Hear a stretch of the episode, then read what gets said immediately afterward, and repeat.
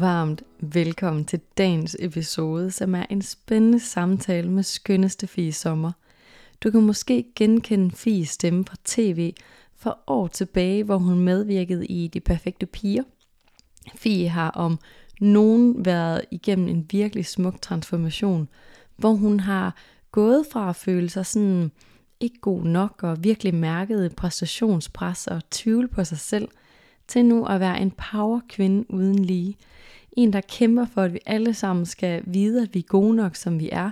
At vi har de kroppe, som vi har, og det er helt perfekt. Og måske også inspirere os til at træde ind i at åbne os op for mere nydelse i livet. Fie står bag yogatøjet Yoni, som er skabt til at skulle føles rart at have på, lige meget hvordan vores krop ser ud, og det er virkelig værd at tjekke ud. Det er så smukt. Jeg har en spændende snak med Fie omkring hendes indre rejse i den her episode, hvor hun har kigget på kropsidealer, skam, det at være i godsøjne en rigtig kvinde, og hvordan normerne har fået lov til at styre hendes liv i jagten på at være perfekt for hende. Så Fie hun deler altså ud af hendes rejse hen imod frihed til at leve et liv, som er meget autentisk og fyldt af nydelse igennem kropsbevidsthed og frihed og faktisk nydelse på et virkelig dybt plan. Så lad os bare hoppe direkte ind i samtalen med Fie. Velkommen til Fie. Tusind tak, Marken. Ej, det var så dejligt, du ville være med. Øhm, og øh, vi sad faktisk lige og snakkede sådan, lige for et øjeblik, inden jeg trykkede record, øhm, så havde vi lige og snakket om det her med sådan, åh, må jeg godt nævne, hvor jeg kender dig fra, fordi det kommer jeg til at gøre nu, for nu har jeg fået lov til det. Øhm, fordi jeg kender dig nemlig fra det her perfekte piger på DR, det program. Jeg ved ikke engang, hvor gammelt det er efterhånden, men senere hen fra din... Fem ja, år, du tror jeg. tænker, fem år? Ja. ja. Ja, det er vildt nok. Fordi så tror jeg senere hen, jeg har fundet din Instagram-profil, og nu vil jeg sige, nu kender jeg det også lidt fra kvinden bag yogabukserne, Joni. Øhm, så jeg ser sådan lidt som om, jeg sådan har fulgt med på sidelinjen, og bare sådan, når man ser det sådan, i hvert fald det, jeg har fået lov til at følge med i, både fra tv og på din Instagram, så tænker jeg sådan, wow, en udvikling. Altså sådan en kæmpe transformation. Jeg synes, det er så vildt. Øhm, så jeg synes bare, det var mega fedt, at du lige ville hoppe med her på podcasten i dag, og bare lige dele lidt om din rejse, selvom det jo selvfølgelig er noget helt, helt andet, vi skal dykke ned i. Men jeg kunne helt vildt godt tænke mig, at du lige præsenterede dig sådan med dine egne ord. Hvem er du, og sådan, hvad laver du? Jamen, jeg hedder Fie, og jeg... Ja, hvad laver jeg? Altså, jeg, er sådan, jeg synes, det er så svært at få det spørgsmål, øhm, fordi det er sådan... Det er ikke så lige til at svare på, som hvis jeg var sygeplejerske eller skolelærer, eller sådan... Så jeg har sådan strugglet med at finde en titel på, på mit arbejde i, i virkelig mange år, og føler Ja. altid, at det forandrer sig.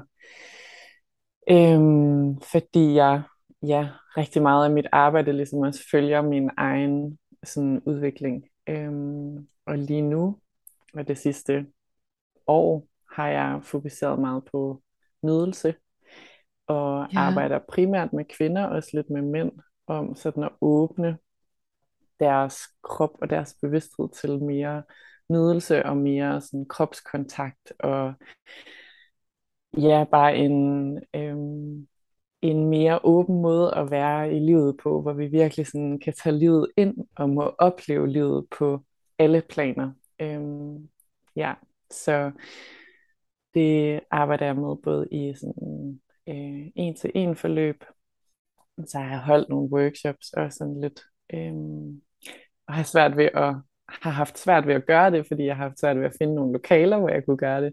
Så jeg har, har holdt det lidt herhjemme nogle gange. Øhm, men nu har jeg lige fundet nogle lokaler, og vil gerne holde sådan en kvindecirkel, med også med fokus på nydelse og sensualitet hen over vinteren. Så det Ja. er sådan den ene del af mit arbejde.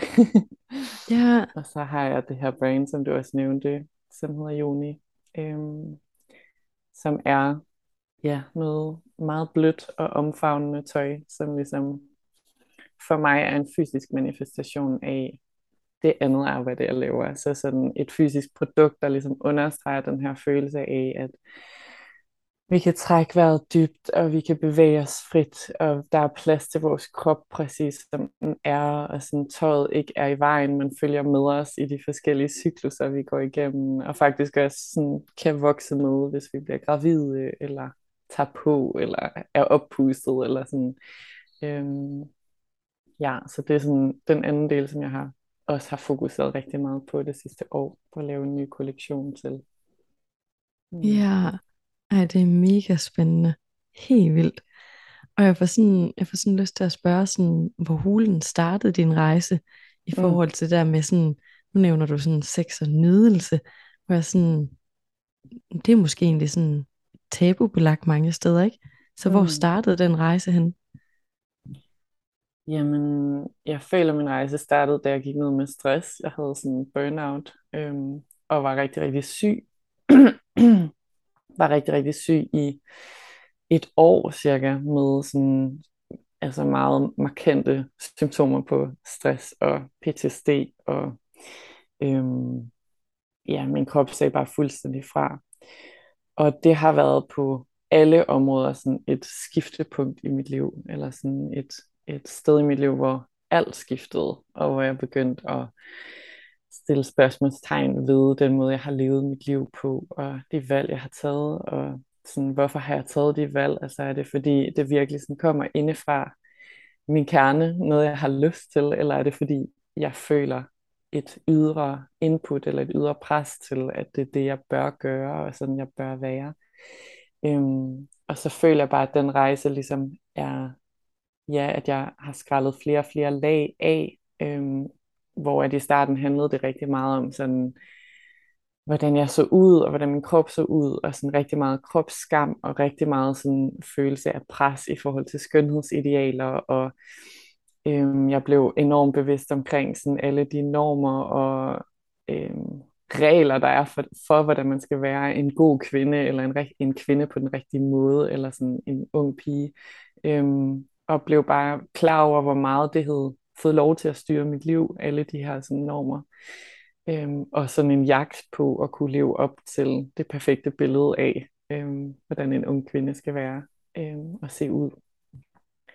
Så det startede meget sådan, jeg vil sige, på en eller anden måde mentalt, altså sådan med at begynde at lægge mærke til alle de, altså det mindset, jeg ligesom har lært af min omverden, øhm, og de tanker, jeg har lært at have omkring min egen krop.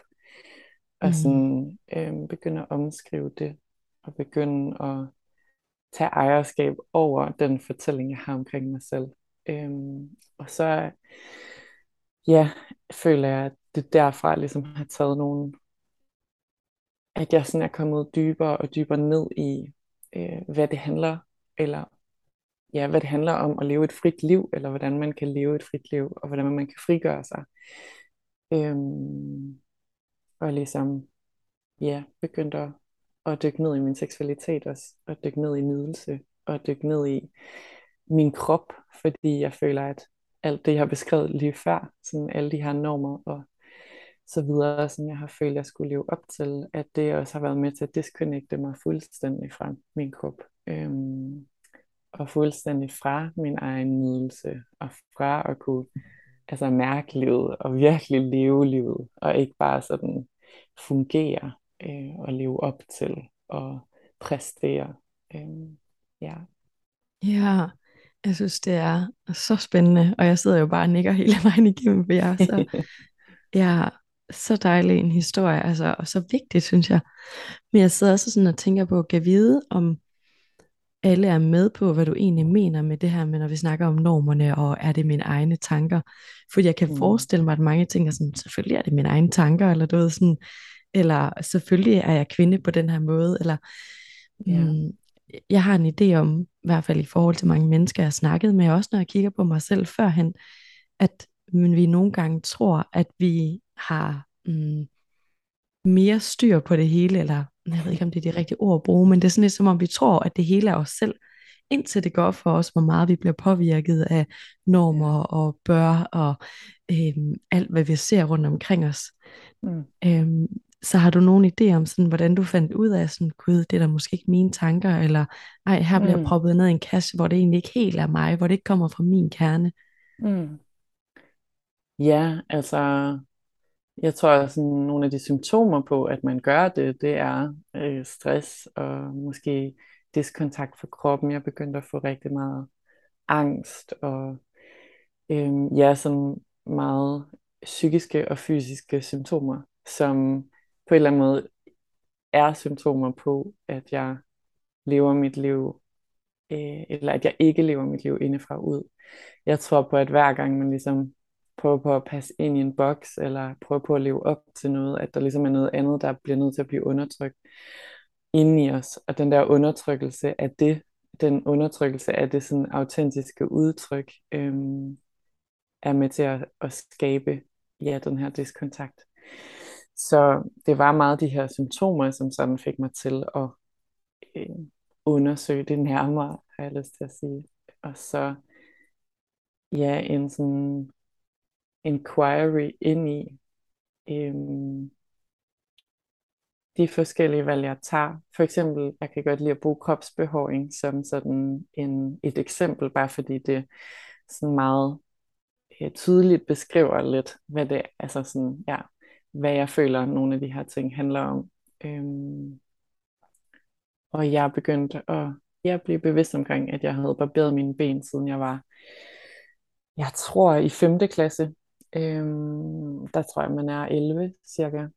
Og, og jeg bare fik en bevidsthed på, at jeg som 11-årig pige, altså jeg er jo et barn, ligesom, at der er et eller andet, der på det tidspunkt har gjort, at jeg har tænkt, at der er noget af det, der naturligt vokser på min krop, der er klamt, eller sådan, der skal væk, det skal fjernes, fordi det ikke er ønsket, eller sådan, så jeg skal øhm, skrabe noget af mig selv, for at kunne være okay i det her samfund. Og sådan en følelse af, at der ligesom, ja, at jeg lige pludselig igennem det her oplevede, at jeg skulle præstere noget for bare at nå sådan det level af at være okay, og være sådan ikke ulækker.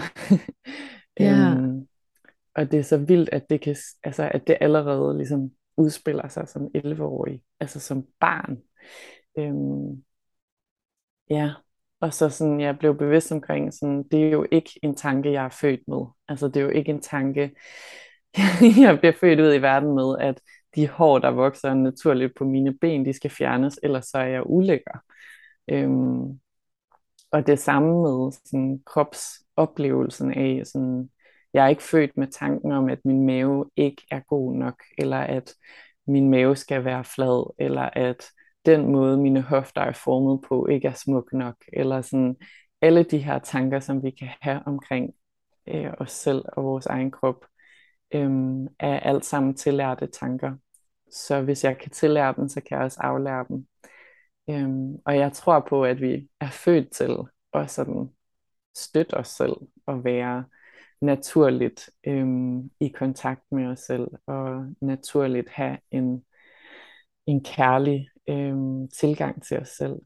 Og det oplevede jeg bare slet ikke, jeg havde. Og begyndte at dykke ned i, hvorfor er det, jeg ikke har det. Og sådan kigge på alt det, der har influeret mig til at tænke de her tanker om min egen krop og for eksempel min kropsbehåring. Og så begynde at kunne tage et valg, som er lidt mere informeret, og på den måde føler jeg også er et valg, som kommer lidt dybere inde fra min kerne. Sådan. Fordi jeg tror ikke facit er, at man ikke skal gøre nogle af de ting, man føler, man bliver øh, influeret til at gøre. Altså, jeg kan også godt lide at for eksempel tage øh, bukke mine vipper. Og sådan, jeg er jo heller ikke født med tanken om, at mine vipper ikke er smukke nok, hvis ikke jeg bukker dem. Eller sådan, Nej. jeg er heller ikke født med tanken om, at, at de skal bukkes for at være flotte. Eller sådan, jeg ved godt, at verden omkring mig influerer mig til at gøre det her. Øhm, og at jeg på en eller anden måde er konditioneret ind i den tanke. Og alligevel vælger jeg at gøre det, fordi det føles godt for mig lige nu, i den verden, jeg lever i. Øhm, Ja. men det ikke bare kommer ud fra sådan en automatiseret øh, conditioning. Ja, og jeg elsker den forklaring, fordi det bliver virkelig sådan helt konkret. Og ja, Mm. så bliver vi alle sammen lidt tunge til at tænke over, ja, hvor har jeg egentlig de forskellige tanker fra, ikke? Ja. Jeg synes, det er vildt interessant. Og øh, jeg kan så meget genkende til, at jeg har heller ikke været særlig gammel, før at jeg havde en idé om, at man ikke burde hår på benene, eller under armen, eller hvor det var. Ja. Og øh, jeg tror alligevel, at det en del år siden efterhånden, hvor at jeg så begyndte at lege med at have hår på benene og under armene. Og så møder jeg en, jeg kender, som kun er 12 år på det her tidspunkt, som siger, ad, hvor er det ulækkert, Ja. hvorfor har du hår under armene, hvorfor fjerner du det ikke? Hvor jeg Ja. netop begynder at have den her samtale med sådan, "Men hvorfor er det egentlig ulækkert? Altså, hvad er det, der er ulækkert ved det? Fordi det, det er jo kommet helt naturligt. Det er Ja. vildt interessant. Ja, Men det, jeg hører dig sige lidt, det er jo, at et sted at starte, det er måske at stille spørgsmålstegn til de ting, vi selv gør. Er det Mm. noget, jeg har lært, eller er det noget, jeg selv har bestemt med mig selv, at sådan her må jeg bare ikke være? Præcis. Ja.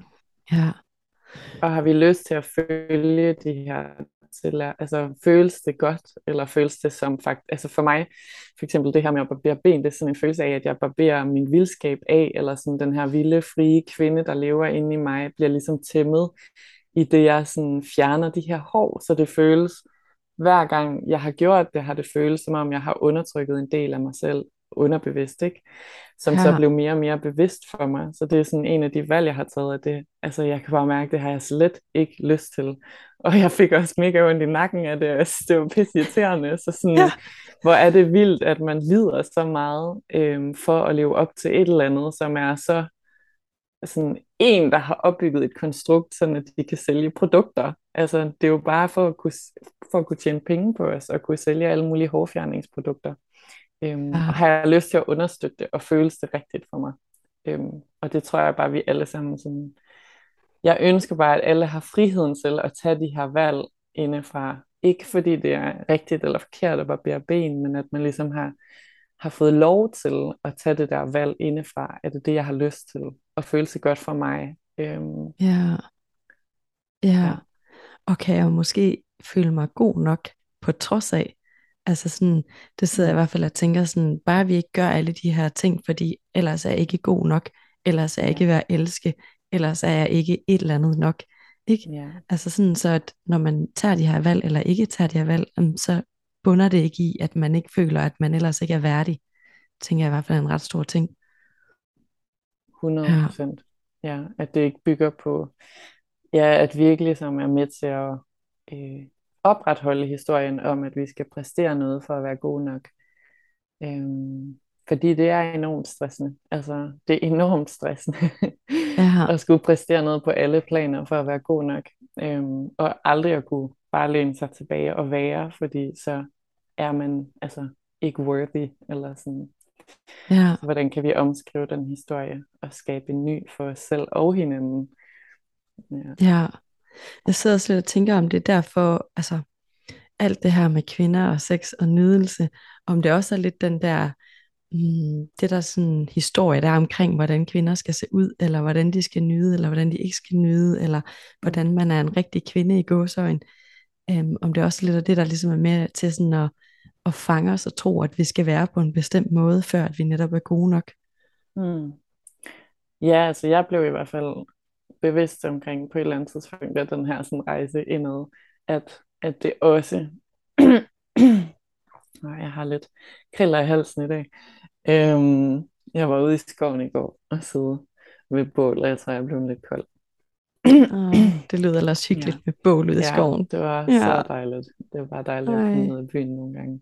Ja, Øhm, ja, men det jeg var i gang med at sige, det var, at, øhm, ja, at jeg blev bevidst omkring, at de her øh, mønstre også udspiller sig i min kontakt til min seksualitet og i min nydelse og i mine seksuelle møder. Øh, den her følelse af at skulle leve op til en hel masse og præstere noget og faktisk slet ikke at vide sådan øh, ægte eller ikke at være i kontakt med ægte, hvad min egen nydelse er, hvordan den ser ud, og være enormt disconnected fra det, og træde ind i rigtig mange seksuelle møder, hvor jeg har travlt med at leve op til at være den her gode kvinde, øhm, og være kvinde på den rigtige måde, og se lækker nok ud, og lave de rigtige lyde, og ikke være for meget, og ikke være for lidt, og øhm, gøre alt det, jeg tror, jeg skal gøre, for at manden synes om mig, eller synes, jeg er lækker, eller sexet, eller sådan.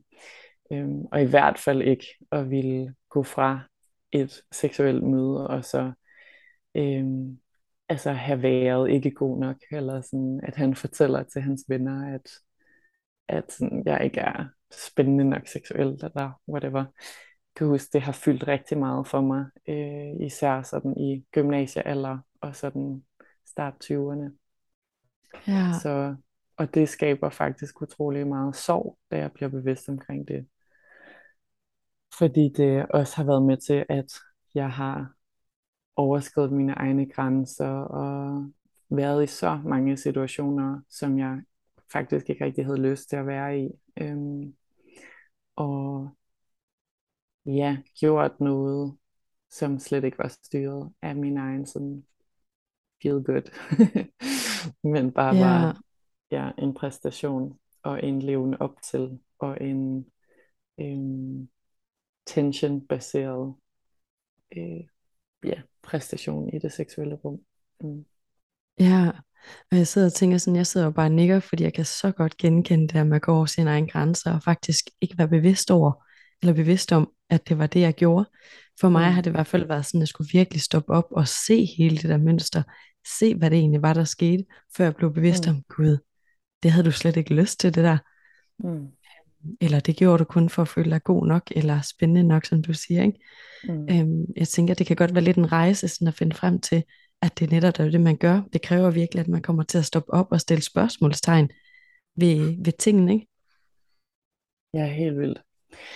Og også, ja, igen den her conditioning, der er sket omkring vores krop, og hvordan vi skal præstere vores køn som kvinder, og sådan, øhm, den er jo også sket i det seksuelle rum. Altså den input, jeg har fået seksuelt, har været fra, fra sådan film og fra porno, og det har bare været øh, meget en fortælling af, hvordan det er, man har sex.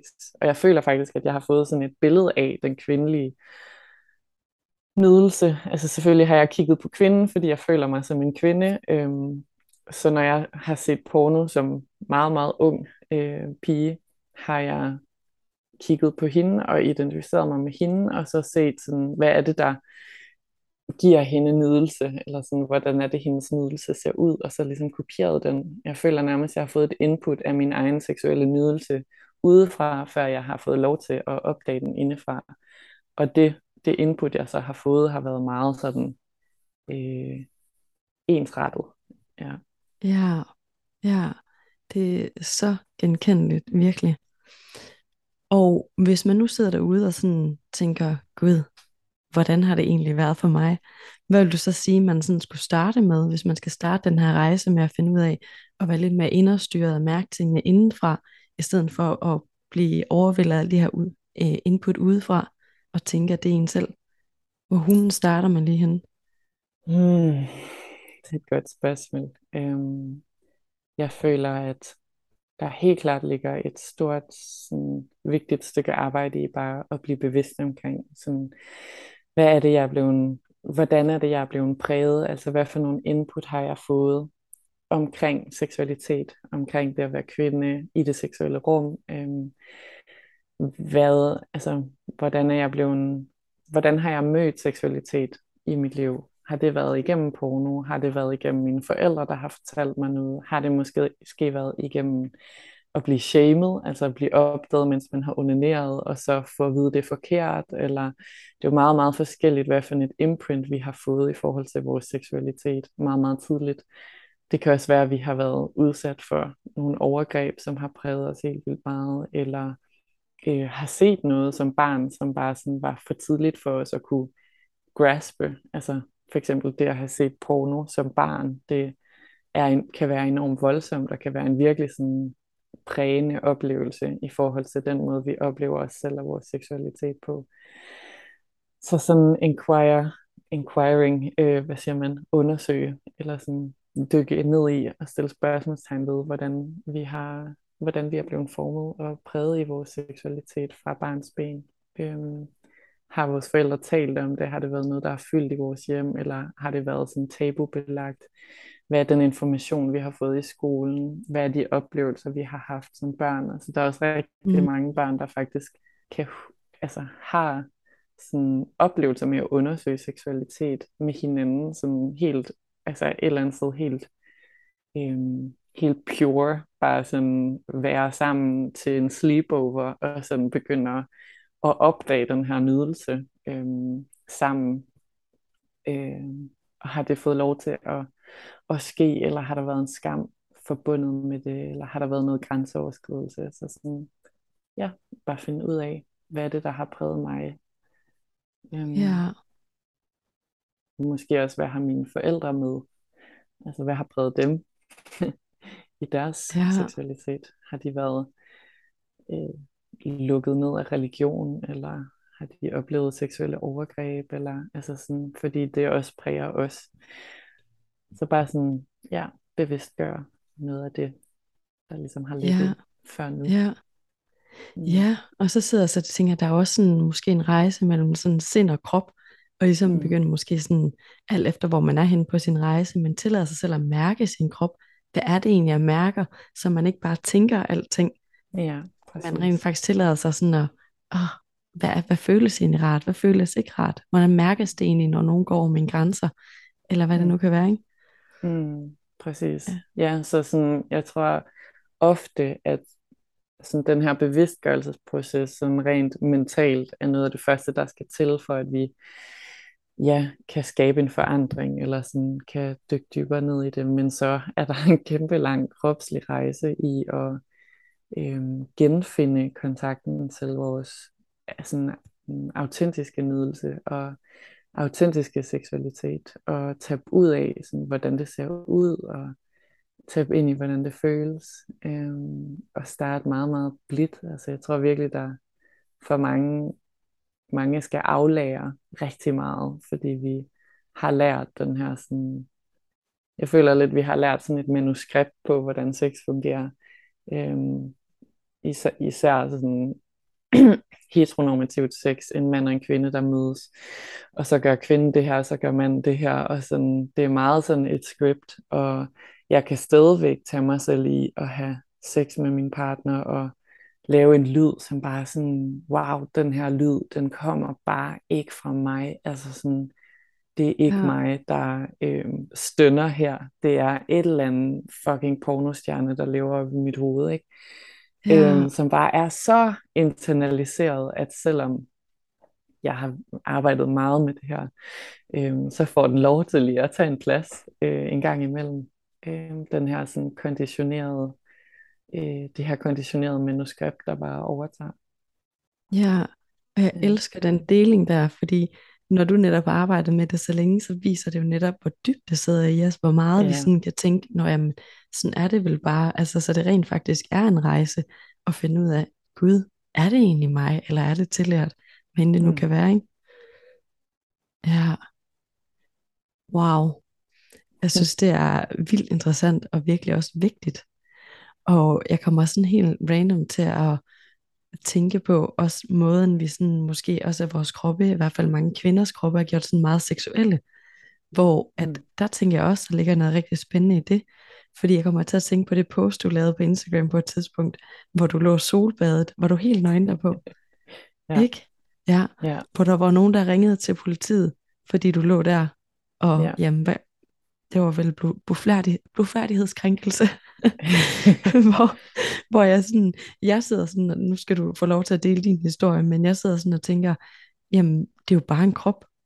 Mm. Men det er jo vildt interessant, at vi sådan ser sex alle steder, altså sådan reklamer, der er det gerne sådan frække kvinder i frækt undertøj, eller mm. altså sådan sexceller, eller vi ser sex mange steder, eller du ved, mm. at det er som om, at vores krop er gjort til sådan en sexsymbol og så er man helt nøgen, og så er det sådan som om, puha, nej, det, det er krænkende for mine øjne, hvor det, sådan, ja. det er jo egentlig bare et hyld, så det er jo bare en krop, den der får en til at bevæge sig fra A til B, tænker jeg. Ja. Jeg tror virkelig, at vi har altså så meget skam på seksualitet i vores samfund, som gør, at ting bliver hyperseksualiseret. Øhm, og at der er den der sådan, der er sådan en krog ind i os alle sammen, der bare er sådan en eller anden form for skyggeside af sådan en ren seksualitet, som er sådan enormt seksualiseret og enormt sådan overdone, fordi der bare sådan, det ikke får lov til at flyde naturligt, eller sådan mange af os er blevet lukket ned i vores seksualitet på forskellige måder, og sådan, øh, kirken har skabt enormt meget skam omkring seksualitet, og øh, sex er så pure og så naturligt, øh, og det samme er vores nøgne krop, eller sådan, som slet ikke, altså, slet ikke behøver at have noget med sex at gøre. Eller sådan. Ja. Vi er jo bare født i den her krop, som er nøgen. Øhm, ja. Så det her med at selv at kunne bestemme, hvornår man passerer sig selv i en seksuel kontekst, øhm, og ikke at blive seksualiseret udefra, det er, ja, det, det er spændende. Eller at måtte være i sin seksualitet, øhm, uden at at det bliver øhm, gjort til noget hyperseksuelt, eller en invitation, eller sådan. Der er virkelig mange øhm, facetter til det at være kvinde, og begynde at frigøre sig selv, og frigøre sig selv i sin krop, fordi at vi ofte oplever, at vores omfelt hyperseksualiseres. Øhm, ja. ja. Ja, og det er så øh, genkendeligt. Jeg har en, en lang periode sådan, lavet videoer på min Instagram, hvor jeg sådan viser, når jeg vinterbader. Ja. Og det tror jeg mange gør, når de er nøgne. Det gør jeg i hvert fald, fordi det føles ekstremt frit. Og det er også bare meget rart uden sådan en bikini, der bare bliver iskold. Ja. Øhm, men jeg har virkelig også fundet det interessant, hvordan at jeg har fået beskeder, der hedder, enten du er da godt nok ikke blev færdig, var, eller fået beskeder, ej du ser da godt nok godt ud af mennesker, som yeah. aldrig nogensinde skriver til mig, med mindre det lige præcis er en nøgenkrop. Hvor yeah. jeg sådan, kan jeg få lov til bare at have min krop i fred, at det bare ja. er en krop, ikke? Altså sådan, uden at du gør alt muligt, tillægger den alt muligt, som jeg egentlig ikke har lyst til.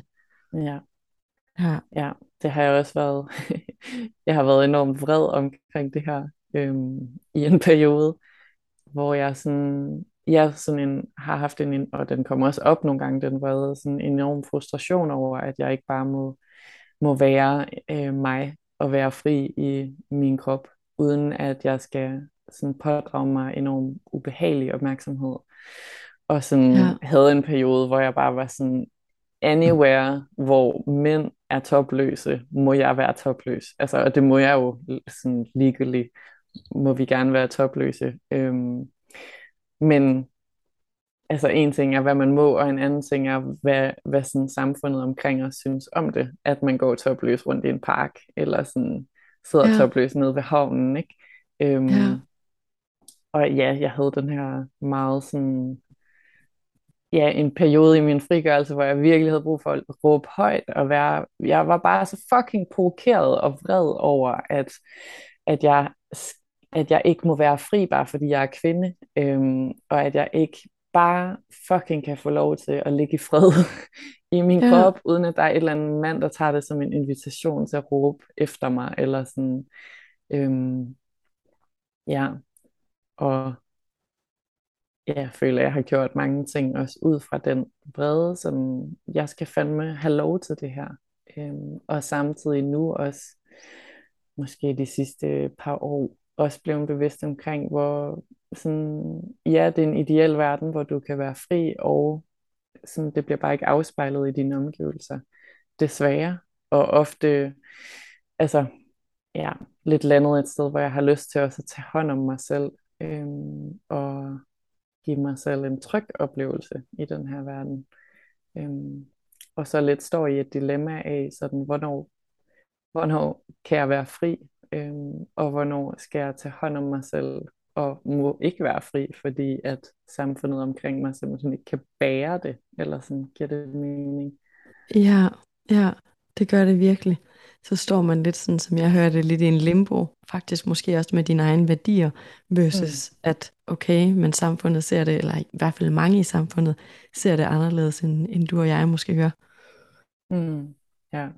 ja, og jeg har lyst til at provokere det, eller jeg har lyst til sådan at stille øhm, ja, selv stille sådan spørgsmålstegn ved det og leve et liv, som er frit. Og jeg har også rigtig meget lyst til at tage hånd om mit eget nervesystem, og sådan sørge for, at jeg føler mig tryg i øh, de oplevelser, jeg har. Så nogle gange vælger jeg at tage tøjet på, i stedet for og Ja. bade nøgen, hvis det er det, jeg har lyst til. Øhm, hvis jeg føler mig udsat i det umiddelbare miljø, jeg er i der, og måske er alene, og ja, så sådan i stedet for at gøre det som en aktivistisk action, så ligesom også tage hånd om, at jeg er et menneske, der har et nervesystem og skal føle mig tryg, og hurtigt Ja. kan føle mig utryg. Altså som kvinde har vi jo også rigtig mange utrygge oplevelser med os ofte af at have været udsat, og have været fået grænser overskridt, og, øhm, og det lever i mig. Altså lige så snart jeg er alene med en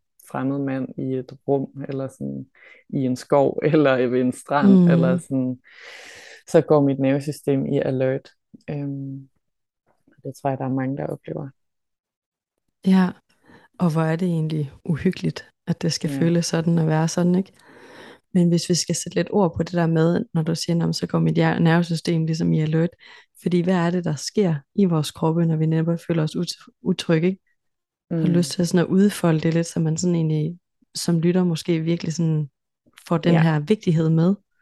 Ja, selvfølgelig. Det er også, altså, det er også noget, der spiller rigtig meget ind i vores seksualitet, at mange, mange kvinder øh, har utrygge oplevelser med os, som det kan enten være sådan full-on seksuelle overgreb, som der er rigtig mange, der desværre har været udsat for i deres liv. Øh, men det kan lige så meget være sådan en kommentar, som, altså, jeg kan huske, jeg har fået kommentarer, siden jeg føler, jeg har været barn, sådan lækre patter, eller sådan god røv, eller sådan, hvor man bliver seksualiseret, og det føles enormt grænseoverskridende, og enormt kropsligt faktisk, øhm, mm. og Mm. kan sætte sig som traumer og som utrygheder. Øh, også fordi vi går rundt med bevidstheden om, at sådan, mænd er fysisk overlegen, eller sådan stærkere ofte end kvinder, og det føles truende, fordi altså i mig er det i hvert fald en følelse af, at hvis han vil, så kan han gøre nærmest, hvad han har lyst til, ikke? Selvfølgelig kan jeg forsvare mig og så videre, men jeg tror også, at sådan helt inderst inde i vores nervesystem sidder der bare sådan en, en bevidsthed om, at sådan, vi er udsat, hvis, øh, hvis den mand, vi er omkring, ikke vil os det godt. Mm. Øhm, og så går vores nervesystem i alert. Altså hvis vi er i en utryg oplevelse, så bliver vores nervesystem aktiveret i det her fight, flight og freeze øh, og fawn. Det er sådan de tre, øh, fire responser, vi kan have i utrygge eller sådan overvældende traumatiske situationer. Øhm, og når vi så har de oplevelser med os, så gør det, at, at vi hurtigere bliver tændt i den reaktion igen, eller vores nervesystem hurtigere bliver sådan sat i alert igen, hvis vi er i en situation, der måske minder om den, eller øhm, ja, som minder vores system om noget, der tidligere er sket, som har været farligt. Ja, ja. Jeg sidder sådan og tænker sådan, det er jo et ret godt eksempel på, hvorfor det er, at vi virkelig skal have en god kontakt til vores krop, for sådan ligesom at kunne mærke os selv, og kunne mærke vores krop, og være sikker på, jamen, hvornår er det, min krop føler sig tryg, og hvornår føler den sig ikke tryg. Hvad er det for nogle situationer, og hvordan kan jeg få den til at føle sig mere tryg, så man ligesom kan få sådan en overordnet tryghed i sig selv, ikke? Ja, og tryghed er totalt sådan fundamentet for vores nydelse. Altså, vi har et enormt stort behov for at føle os trygge, øhm, og føle os sådan, ja, taget hånd om som kvinder, for at vi kan åbne vores krop, og for at vi kan opleve nydelse.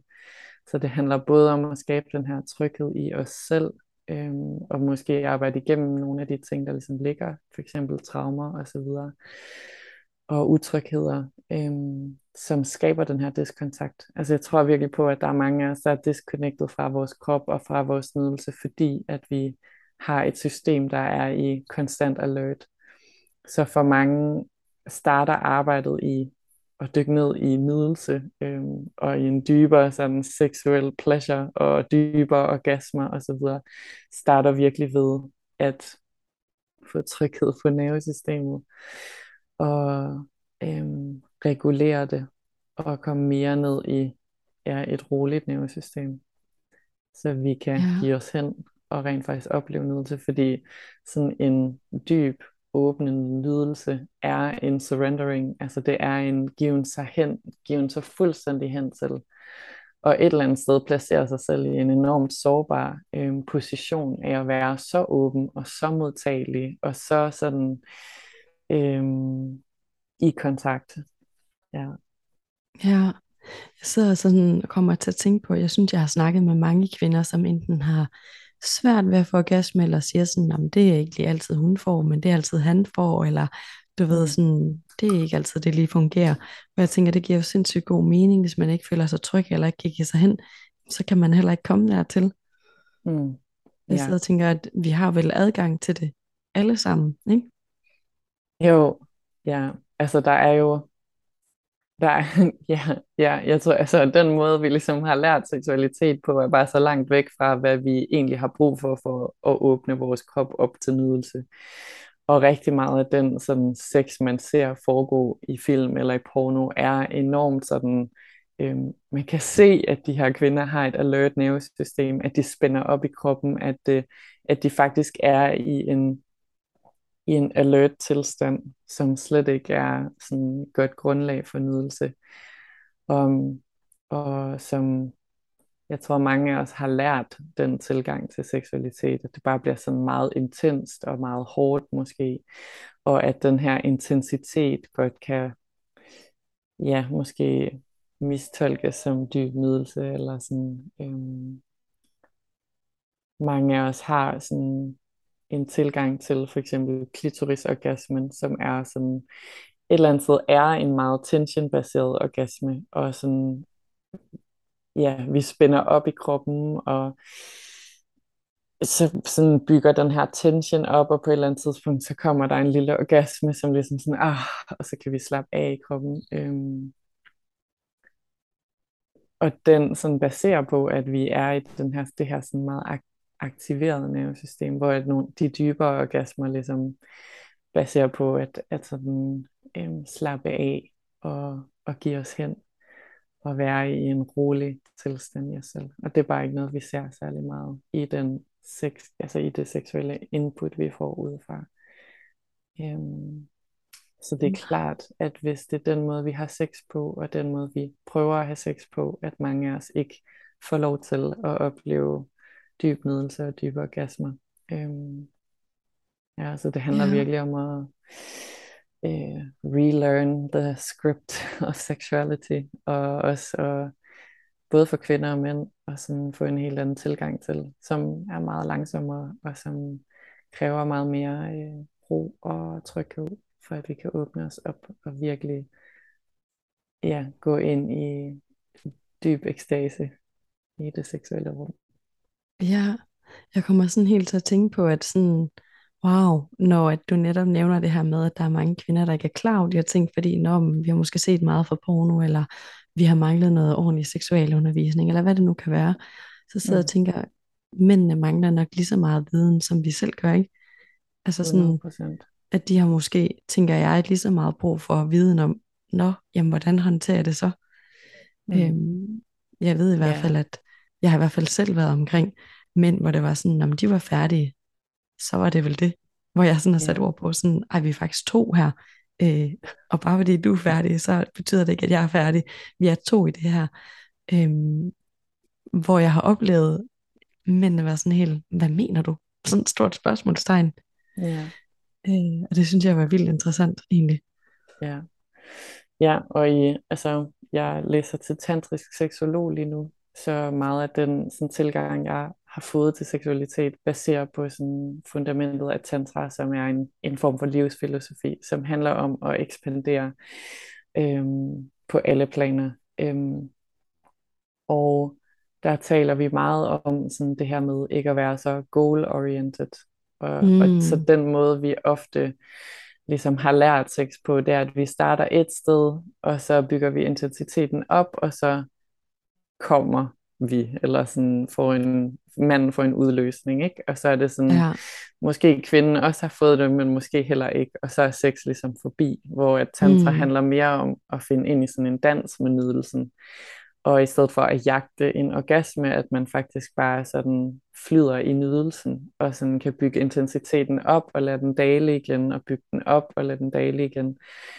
Øhm, og at vi sådan lidt slipper det her mål om at skulle præstere en orgasme, fordi der er også rigtig mange, der oplever det som en, en form for sådan en præstation, og at det skal ske for, at sex ligesom er færdigt, og ja, der er en enorm stor fokus på mandens øh, udløsning, og mindre fokus på kvindens nydelse måske, men der er også, altså jeg tror også, at mange mænd oplever en enorm præstation i at skulle præstere en stiv pik og præstere en, en udløsning, sådan at, at de ligesom kan være færdige, og mange kvinder, der oplever, at de skal um, også præstere sådan mandens orgasme, altså sådan, fuck, jeg har, jeg har suttet mange pikke, indtil de kommer, eller indtil de udløser, uden at det har været nice, altså uden at det har været rart for mig, og uden at, jeg tror, måske også uden at det har været rart for manden, eller sådan, det har bare været så tension-baseret, det har virkelig været sådan, okay, vi skal præstere det her sammen, for at sex ligesom er fuldendt,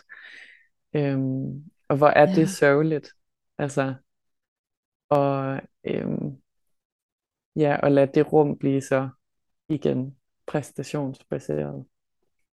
Ja, ej, det synes jeg er vildt interessant. Jeg kunne virkelig godt forestille mig, at det fjerner helt vildt meget pres fra alle. altså, ja. at gå ind i det på den der tantriske måde. Øhm, og ja, hvad hvis det tænke... bare handler om at give hinanden nydelse? Altså sådan, øhm, hvordan kan vi nyde? I stedet for, at det er sådan, hvordan kan vi give hinanden en orgasme? Eller sådan, hvordan kan vi ja, komme derhen? -agtigt. Ja, og jeg sidder faktisk også lidt og tænker på sådan, det må egentlig også sådan, jo mere, at man gør det på den tantriske måde, du beskriver der, så tænker jeg, at det lyder lidt som om, at så bliver det endnu mere øh, intimt måske også. Fordi jeg har virkelig tit tænkt over det her med, hvor mange mennesker, der kan gå ud og have one night stands, og der er overhovedet ikke noget galt i det, men så synes det er for intimt at sove sammen. Hvor ja. der kan jeg godt sådan stille spørgsmålstegn ved, hvorfor er det ikke intimt at have sex sammen?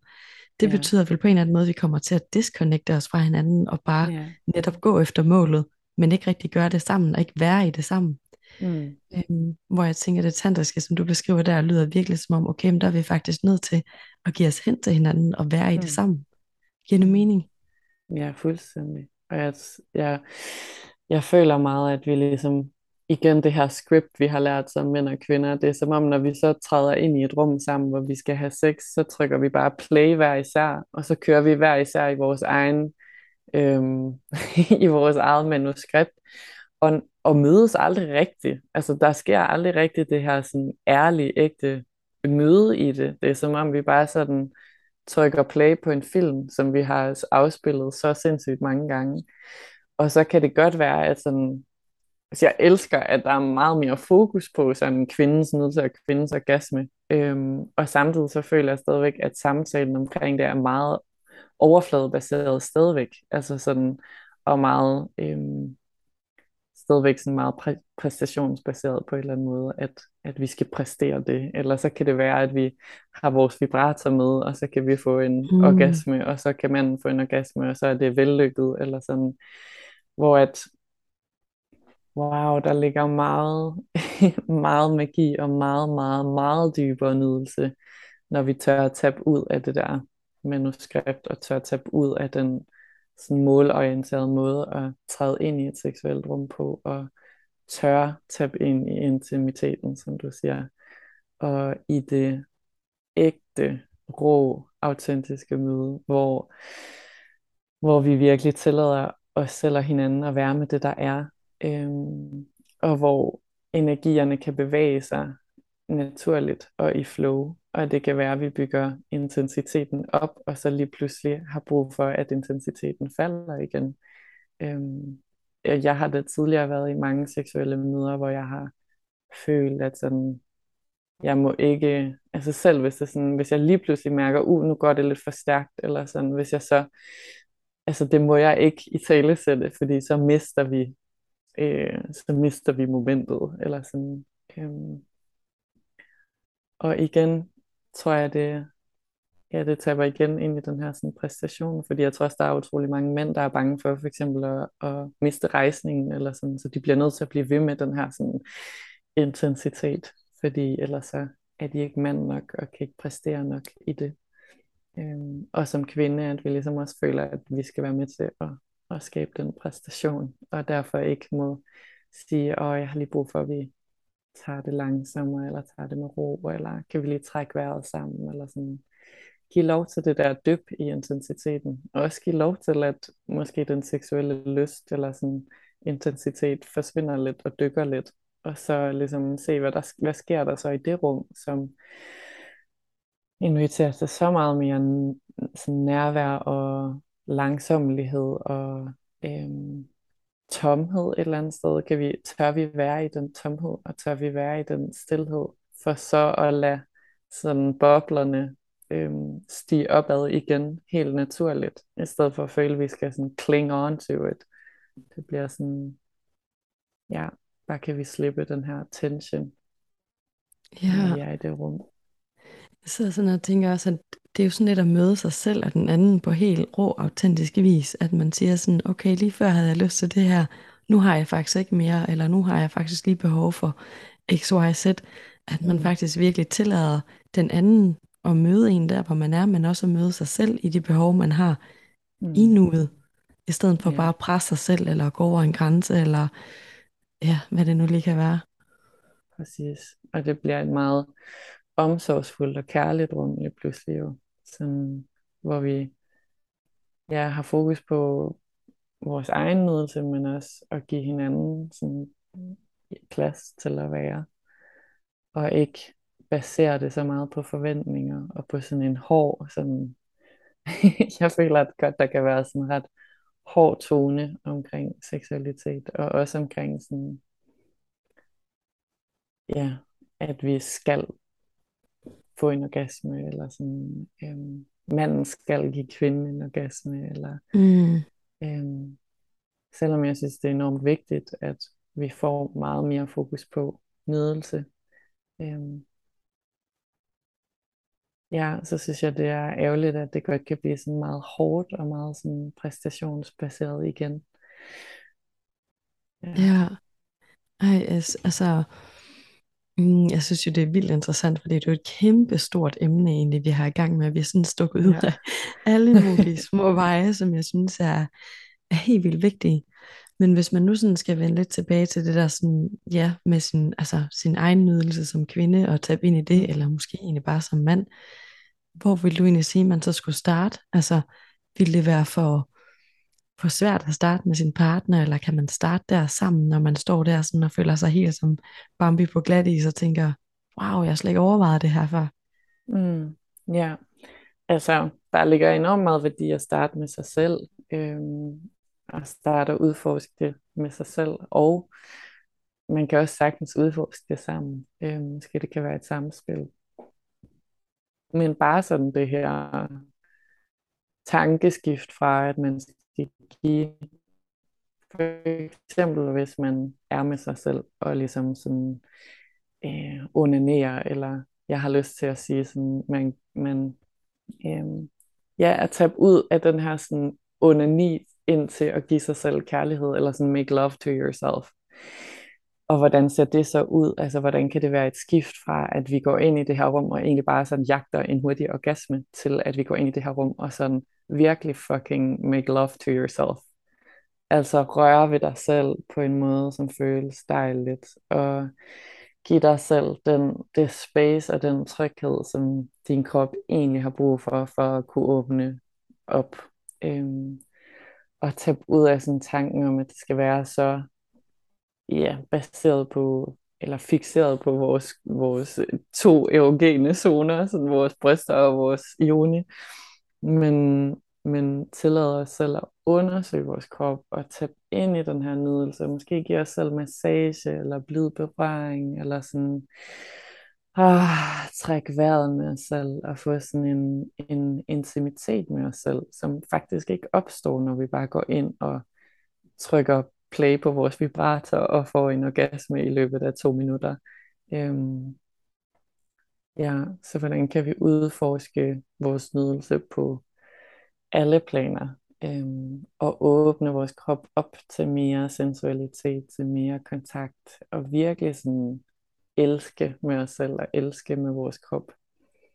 Og det samme med hinanden. Altså, ja, jeg tror, der sker meget, når vi bare, så jeg kan godt lide at sige sådan, øhm, se om I kan tage to uger, hvor I ikke fokuserer på at komme, eller sådan, hvor der ikke er, hvor der slet ikke, altså hvor man nærmest ikke må komme, eller sådan, det er ikke mm. det, der er fokus.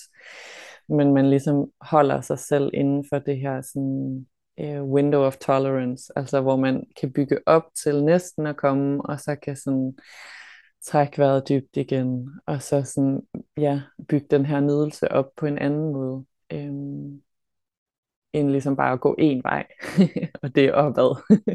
ja, ja. ja.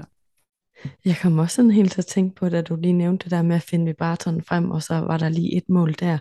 Så kom jeg sådan til at tænke på, det er jo måske lidt ligesom alt muligt andet stimulans, vi mennesker har tendens til. Sådan, så er det lige sådan, så er der lige quick fix der, eller jamen, så kan det være spise, eller det kan være sex, eller vibratoren, eller sådan, det der sådan quick fixes, vi får, hvor det du beskriver er jo virkelig sådan, wow, det er et meget sårbart sted, om man så gør det med en anden eller sig selv, hvor man virkelig skal tillade sig selv at mærke, hvad mærker jeg egentlig? Hvordan føles det egentlig? Hvordan har jeg det egentlig? Måske også, ikke? Mm.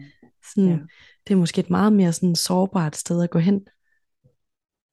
Fuldstændig. Og jeg tror virkelig, vi alle sammen lever i en konstant stress, eller mange af os gør.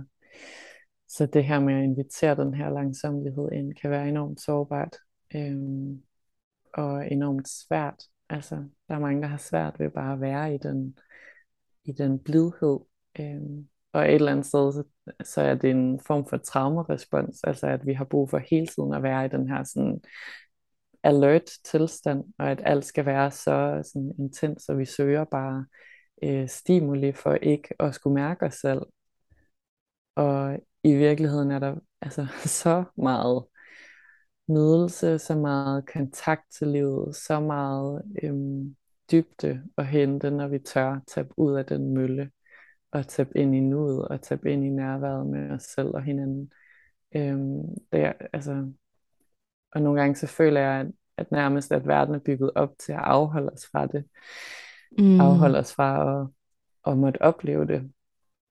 Og er sådan helt, altså jeg bliver gang på gang overrasket over, hvor, hvor vanvittig ekstatisk dyb nydelse man kan opleve, når man altså, begynder at, at undersøge sig selv og hinanden på den der måde, og tabe ind i sin egen energi på en dybere måde. Og, altså det er virkelig sådan, det kan være enormt psykedelisk og enormt sådan, nærmest som at tage stoffer, ligesom at, at begynde at tabe ind i den dybe seksualitet og nydelse. Ja, der. og tænk, at det bare sådan er helt frit og naturligt og tilgængeligt for alle. Ja. Øhm, og så er det så noget i mig fik lyst til lige at kalde det wuhu, fordi jeg ved, at der er rigtig mange, der vil sidde og tænke sådan, hvad filen snakker I om? Altså sådan, du ved sådan, hvad er der nu galt med, hvordan tingene altid har været? Den synes jeg tit, jeg hører, hvor det er sådan, yeah. ja, der var også en gang, vi troede, jorden var flad og så fandt vi ud af, at det godt kunne se anderledes ud. Ja. Men det er virkelig sådan smukt at høre dig beskrive, at altså sådan, wow, det er tilgængeligt for os alle sammen, og vi kan aflære nogle ting, og lære noget nyt, og så mm. komme hen og finde noget, vi måske slet ikke vidste eksisterede. Mm. Ja, det er også sådan en common, øhm, altså sådan en øhm, gængs ting at sige, at der er nogle kvinder, der bare ikke kan få sådan dybere orgasmer, eller sådan, at, ja, at vi ikke at det kan vi bare ikke, eller sådan, og det gør mig virkelig ked af det, fordi det kan vi faktisk godt. Altså sådan, de fleste af os kan virkelig opleve den der dybere nydelse. Øhm, der er bare behov for at, at sådan aflære det, der har disconnected os fra det. Og sådan, jeg har selv gået Altså, jeg har selv startet den her rejse fra et sted, hvor jeg har følt mig sådan fuldstændig numb inde i min joni. Sådan en følelse af, ikke rigtig at kunne mærke noget indvendigt, og ja, kende til de her sådan klitorisorgasmer, som kommer ud fra sådan meget intens stimuli på min klitoris udefra. Øhm, og føle, at det ikke rigtig giver mig nydelse at få stimuleret indvendigt øhm, mm. eller blive stimuleret indvendigt, eller blive penetreret. Og at hvis jeg overhovedet skulle mærke noget der, at det skulle være ekstremt hårdt. Øhm, så det har sådan været mit starting point til sådan at begynde at vække, genvække den her kontakt og genvække nydelsen og følelsen og sensitiviteten. Og lige pludselig gå fra at være sådan ret nom til at få enormt mange smerter. Så sådan føle enormt meget ja, spændinger og smerter under sex eller under penetration. Til så at sådan forløse det og gå ind i så dyb en nydelse. øh, og virkelig genfinde sådan en dyb, dyb øh, indre kontakt til mig selv og min egen nydelse. Og det er virkelig sådan ultimativt sådan en følelse af selvkærlighed. Øh, og måtte opleve og stimulere den del af min krop og den del af min væren. Ja, og jeg elsker virkelig, at du også lige deler, at hvor du startede henne, for jeg kunne forestille mig, at det kunne virke sådan helt vildt øh, overvældende for mange mennesker, der måske netop sidder og tænker, wow, jamen, jeg kan ingenting mærke, for eksempel, som du ligesom beskriver, ikke? Altså, det mm. faktisk er en rejse, man skal vælge at begå sig ud på, eller gå ud på med sig selv, ikke? Mm. Ja. Jeg så faktisk, du havde skrevet noget på Instagram, som jeg synes snakker ret godt ind i det her, fordi du skrev, My journey into pleasure has been one of slowing down and softening. Det synes jeg er sådan, yeah. det skriver sådan det hele, at det er sådan, wow, måske tale ind i sårbarheden, og det der med at øhm, ikke have så travlt, og bare kunne være og se det, der er. Altså sådan, fordi nu snakker du også lidt ind i det før, det her med, at vi har så travlt med at gøre, og have stimuli, og det hele skal gå stærkt, og vi skal også gøre noget, udrette noget, før vi er nogen, eller er noget, eller sådan, alt det der mm. sådan travlhed, hvor jeg sådan tænker, der er jo rigtig mange ting, hvor det i virkeligheden bare handler om at lære at slow down, lære at være mm. glad for sig selv, uden at skulle øh, gøre en hel masse ting, eller mm. lære at kunne nyde nuet, uden at skulle gøre, gøre, gøre. Og det er så også det samme, som du siger, sådan med nydelse. Hey, vi skal faktisk slow down. Mm. Ja. ja, og ofte, ofte skal vi jo faktisk gå igennem nogle utrolig ukomfortable følelser eller oplevelser. Øhm, rigtig mange oplever, at når de tillader den her langsomhed, og måske endda tillader den her sådan stillhed, der ligger i det, at det bare er virkelig uncomfortable. Så derfor tænder vi sgu hellere lige en podcast ved siden af, eller lyt, eller en serie, eller altså sådan, jeg tror bare, der er virkelig mange, der sådan kender den her følelse af at have brug for stimuli. Spise noget, se noget, scroll på telefonen, øh, have en mm. samtale, mm. ringe til en veninde, altså sådan konstant at være i gang. Så lige så snart vi tillader det her sådan stille rum, kan det, altså, giver det plads til, at alt det, vi undertrykker ved konstant at være i gang, det ligesom begynder at vise sig og begynder at komme op. Og jeg husker da, at jeg på et tidspunkt fik en kæreste, eller en, ja, en kæreste, som, som rørte ved mig meget mere blidt, end jeg nogensinde havde oplevet. Altså sådan, det var, jeg havde kun oplevet sådan porno-sex og blive stimuleret mm. sådan meget voldsomt på en eller anden måde, og det var det, jeg kendte til, og, og han bare sådan rører ved mig meget blidt og meget kærligt, og bare sådan, stop, altså, det er jo vildt ubehageligt. Sådan, du skal gøre det hårdere, jeg kan ikke mærke noget. Øhm, fordi det der med at være konfronteret med den numbness, altså være konfronteret med, sådan, jeg kan faktisk ikke rigtig mærke det. Det var så ubehageligt. Øhm, ja. At blive faced med den her diskontakt. Altså jeg skulle hellere have noget stimuli igen. Du ved. Ja. Øhm, og der ligger virkelig dyb sådan magi, har jeg lyst til at sige, når vi tør synke ned igennem det lag af discomfort. Når vi tør sådan lige være med det, og trække vejret med det ubehag, øhm, så er det, at vi får lov til at træde i dybere kontakt med os selv, og med livet, og med nydelsen, og med følelserne, og så yeah. videre. Og det er også det, jeg beskrev tidligere med, at, at jeg var nom i min juni, øhm, og så begyndte at få smerter. At det sådan, altså, at ja, den blide kontakt giver rum til, at der er noget discomfort, der kan komme op og ligesom forlade kroppen. Altså det er en form for stress release. alle Ja. de symptomer, der så måske kommer op. Øhm, det kan være sorg, det kan være vrede, det kan være smerter, det kan være alt muligt.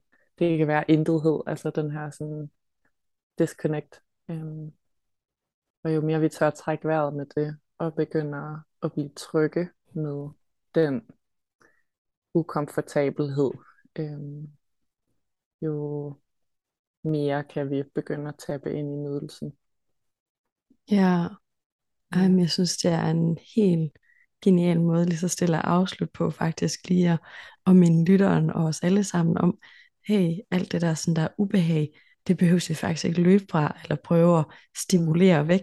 Vi må faktisk godt være i det, sådan så vi Mm. kan lære fra det, og se, hvad, hvad, hvad er det for et budskab, ubehaget kommer med, for at vi så Ja. kan komme ind i mere tryghed, eller nydelse, eller hvad det nu kan være. Mm. Ja. Ja, og det er en, altså en del af helingsprocessen. Så det er Ja. faktisk et mega godt tegn, Ja, når, når discomfort kommer op. ja. Ja. Ej, hvor er det fint. Mm. Jeg føler jo, at vi kunne blive ved med at snakke i lang tid. For jeg synes, det er et spændende, spændende emne. Ja, det synes Men jeg vi jo også. hellere... Ja, det. Men jeg tænker, at hvis man nu sidder derude og tænker, wow, jeg skal høre mere om det her, eller jeg skal lære mere om det her. Mm. Hvor kan man finde dig henne for at høre noget mere om dit arbejde, eller komme i kontakt med dig henne? Ja, men bedst på Instagram. Øhm, ja, fire.sommer. Og Ja, jeg holder, ja, jeg holder et lille kvindecirkelforløb her til efteråret. Eller vi, det er efterår lige nu, men jeg tænker sådan november, december, jeg er lige i gang med at planlægge det.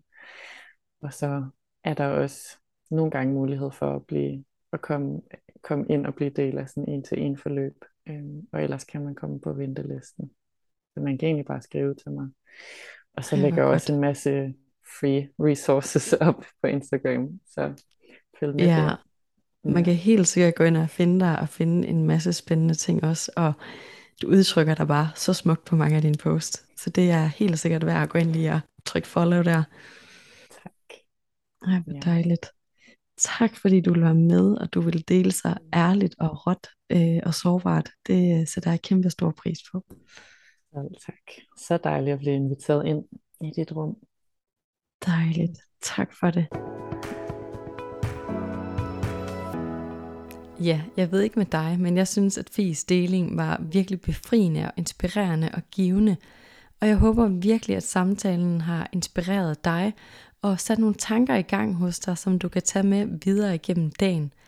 Hvis du kunne lide episoden, så vil jeg personligt sætte stor pris på, hvis du vil lade dine fingre glide hen over fem stjerner, der hvor du lytter til din podcast, eller efterlade en review, så vi kan få podcasten ud at leve blandt endnu flere mennesker. Det er en helt gratis måde at støtte podcasten på, og det betyder, at den kan blive ved med at udkomme. Og tusind tak til dig, der allerede har givet podcasten 5 stjerner og efterladt en kærlig review. Det er så værdsat. Og tak fordi du lyttede med. Vi lyttes ved igen på næste fredag.